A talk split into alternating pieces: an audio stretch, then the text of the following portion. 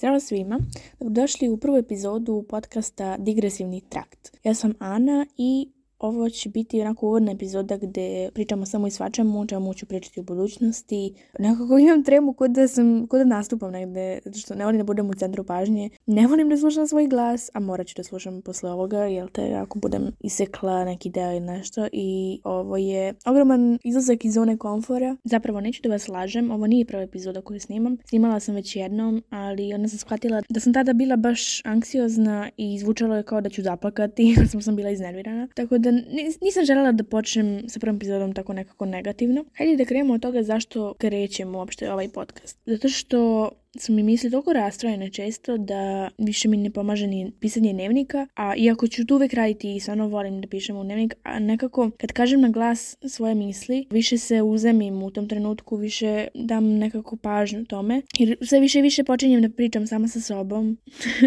Jeste, zvuči čudno, ali kada kažeš nešto sebi na glas, kao da ti to neko drugi kaže. I onda shvatim nekako više stvari nego ko što bi ih pisala. Samim tim što se sad snimam, još još sam više u trenutku, a to je meni problem da ja živim u trenutku, jer stalno nešto ili čekam, ili kasnim za nečim, ili stalno neka frka u mojoj glavi, a ovo me tera da budem prisutna u tom momentu. Tako da, zbog toga, znači da bih pomogla i sebi i da bih izašla iz te zone komfora i da bih vam jednostavno prikazala neki delić svog života zajedno sa svojom sestrom, jer obe ćemo pričati, tako da bit će raznih tema, pa hajde da se predstavim, ja sam Ana, imam 21 godinu, studiram medicinu, druga sam godina i još uvijek nisam naučila da redovno učim.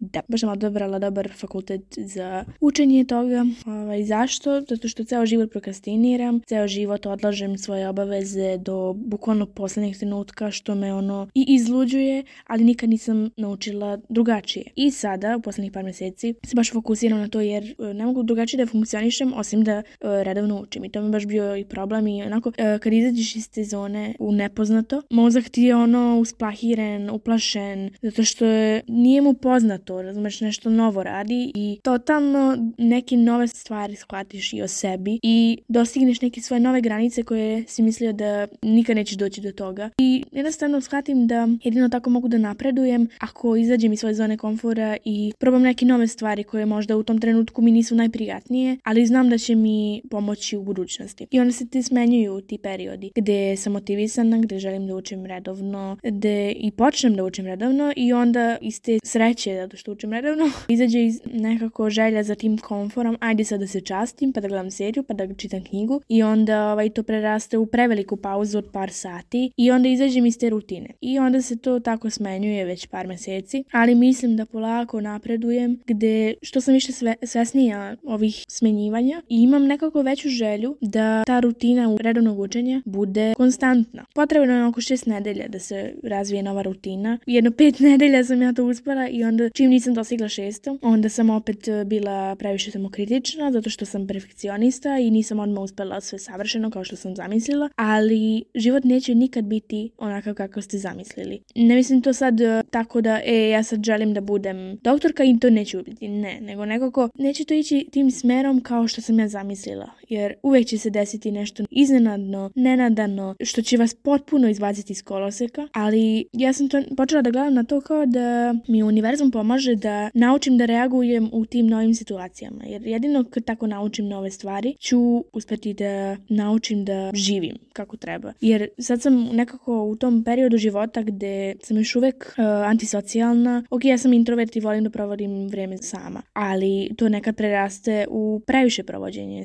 uh, u samom nisam moći, tako da moram da radim na tome i vidim da mi je to problem. I evo, ovo je možda prvi korak. Koliko god volela da romantizujem svoj život i pravim neki kutki savršenstva, e, život nije savršen, ali je prelep. I zato ti trenuci koji nisu savršeni, oni te razbude i podsete da su ti lepi trenuci stvarno značajni. Naprimjer, dok sam bila još u srednjoj školi kada je postojao letnji raspust, a ne ispitni rok, previše bih se opustila i e, nekako nisam dovoljno cenila te trenutke gde sam sam imala slobodno vreme i da sam, na primjer, imala sam ceo dan slobodan nije mi se čitalo, nije mi se ništa radilo, samo bih odmarala. A sada kada imam toliko obaveza, imam toliko nalade inspiracije, toliko toga bih radila odjednom. Mislim, to je jednostavno i način na koji moj mozak e, želi da pobegne iz te situacije u kojoj se ne osjeća dovoljno dobro u tom trenutku, pa pokušava nekako da me inspiriše, e, ajde sad da snimiš onaj uh, reels ovaj što si smislila i ne snimim u tom trenutku, nego samo zapišem tu ideju i opet i ta neprijatna situacija mi je donela inspiraciju. Tako da, ako mislite da, ako vam se ne sviđa nešto što u tom trenutku radite i ono ima smisla jer će vas dovesti do nečeg drugog što će imati smisla.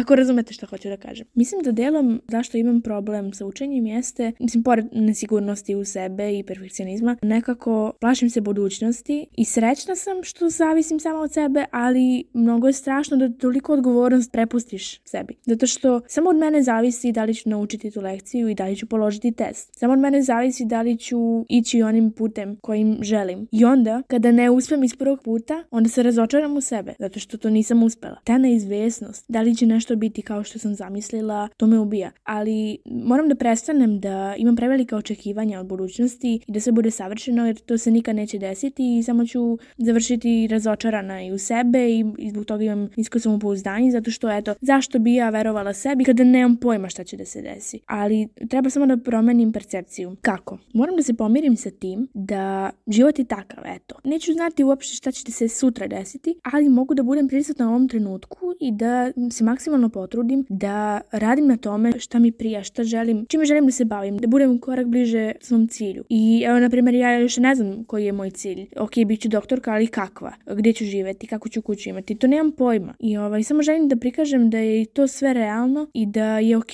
da nemaš neki zacetan cilj u svom životu kojim želiš da se baviš i samo želim da prikažem tu drugu drugu stranu gde je e, normalno ne zna čime ćete se baviti u svom životu, koji je vaš cilj, šta vas motiviše. Ok je da se to istražuje tokom celog života. Evo ja, na primjer, sa 21 godinom još uvijek nemam pojma šta ću da budem. I užasan je taj proces gde sami sebe krivite zato što ne znate. Niko se nije rodio naučen. I, i kako, kako ja da znam šta me ispunjuje ako ne istražujem? I zbog toga je vrlo bitno da izađete iz svoje zone komfora i da probate neke nove stvari, nešto će biti loše, nešto će biti dobro, ali samim tim što radite nešto novo, istražujete sebe, šta vam prije, šta ne i mislim da je to jedini način na koji možete da poznate najbolje sebe i da shvatite zapravo svoju ulogu u svemu ovome. Sve će ići svojim tokom. Sad ne kažem da treba da se sedne i e, sad čekam da mi se desi nešto pa i da tako naučim eto nešto novo o sebi. Ne, nego jedino sama moram.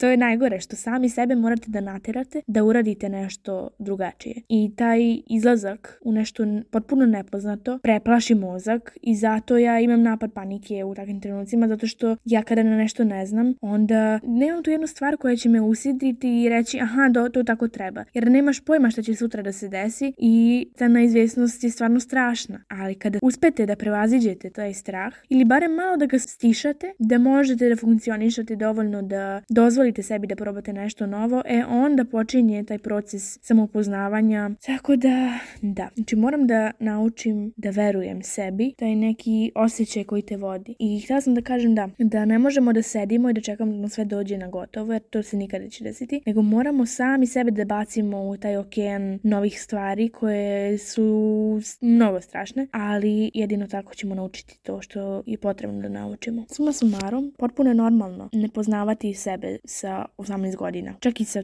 30 godina, čak i sa 50. Život nikada nije protraćen ako vi u jednom trenutku krenete da radite na sebi i krenete da upoznajete sebe još više. Tako da nikada nije kasno i čak i ako ste ceo život radili nešto potpuno što vas ne zanima, znam da je tužno, ali pokušajte nekako da oprostite sebi što brže i da okrenete novi list i da krenete dalje, da istražujete, da vidite šta bi moglo da vas zanima. Jedino tako ćete doći do one srži koja će da vas ispunjuje potpuno. Tako da polako sam počela da se mirim sa tim da nemam pojma o životu, o bilo čemu i to je okej, okay, ali i polako počinjem da istražujem i da učim nove stvari i da sve ide svojim tokom. Neka će biti dobri dana gde ću biti raspoložena, neka će biti dana gde neću moći da izađem iz kreveta, ali samo je bitno da oprostim sebi i da nastavim dalje, jer sve je to proces koji će me dovesti do onoga što stvarno jesam. Mislim da meni najveći problem bio do sad, zato što ja nemam tu umerenost kojom bi mogla da raspodelim više stvari odjednom i da uživam u svemu tome. Ne. Ja kada pronađem neku novu stvar koja mi se sviđa, meni to preraste u obsesiju, na primjer čitanje knjiga. Ja ovaj, do srednje škole nisam imala ni sa kim da pričam o knjigama. Mislim, bila sam baš usamljena što se tog aspekta tiče, jer knjige su stvarno predne stvari.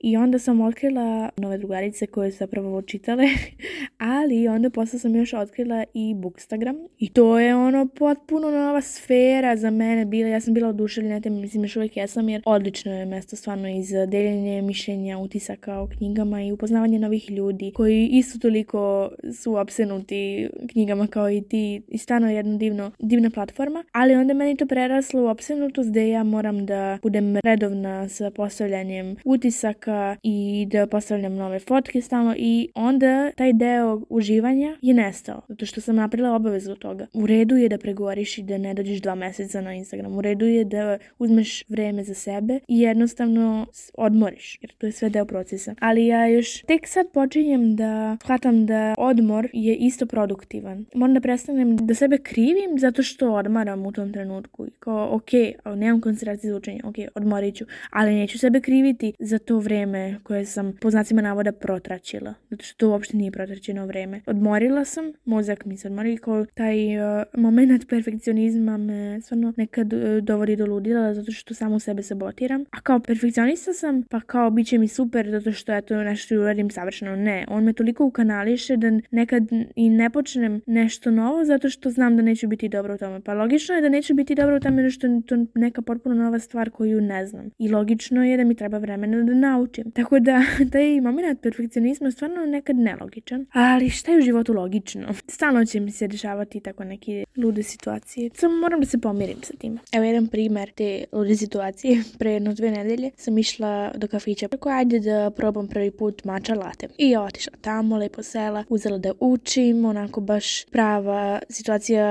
Ja sam glavna junakinja svog života.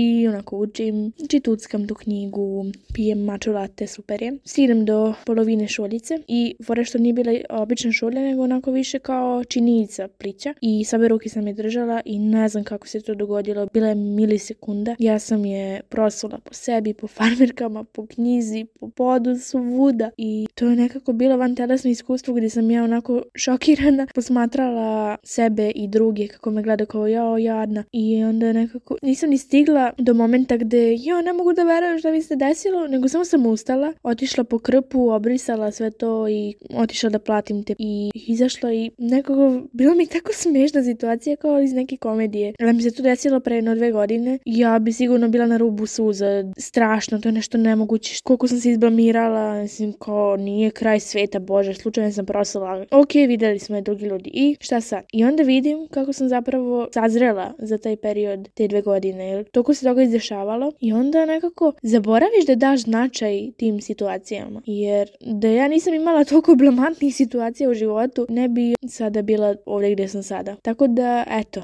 i takve situacije pomognu. U tom trenutku mislite da to e, samo vam se univerzum smeje zato što ste ono toliko jadni. Ne.